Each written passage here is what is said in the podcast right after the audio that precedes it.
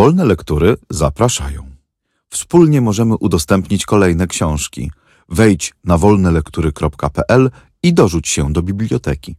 Audiobooki wolnych lektur są udostępniane na wolnych licencjach, co oznacza, że możesz je swobodnie wykorzystywać, udostępniać, pobierać i publikować pod warunkiem zachowania warunków licencji i zgodnie z zasadami wykorzystania wolnych lektur, które znajdziesz na naszej stronie wolnelektury.pl.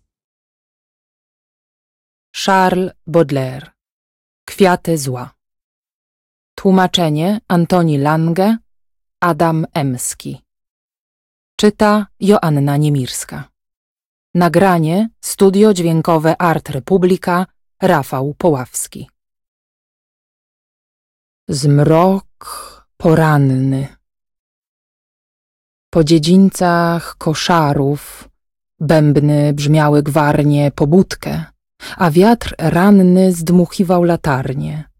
Był to czas snów niezdrowych, co natrętnym rojem, sen ciemnowłosych chłopców burzą niepokojem, gdy jak źrenica krwawa, a wiecznie drgająca, lampa czerwonym piętnem zda się na tle słońca, a duch walczący z cielskiem, odrętwiałym, sennym, naśladuje te walki nocy z dniem promiennym gdy mąż piórem, kobieta miłością się nurzy.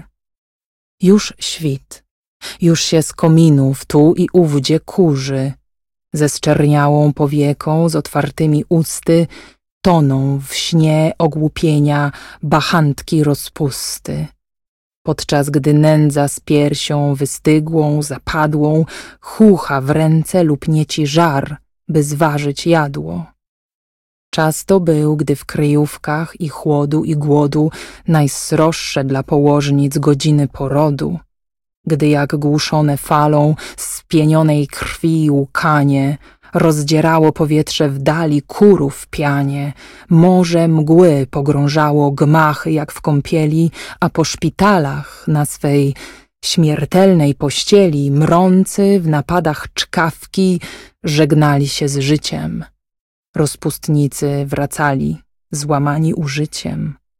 Jutrzenka, drżąc pod falą zielono-różaną, podnosiła się zwolna nad pustą sekwaną, a Paryż, ten wyrobnik stary, na roboczy dzień zbierał swe narzędzia i przecierał oczy.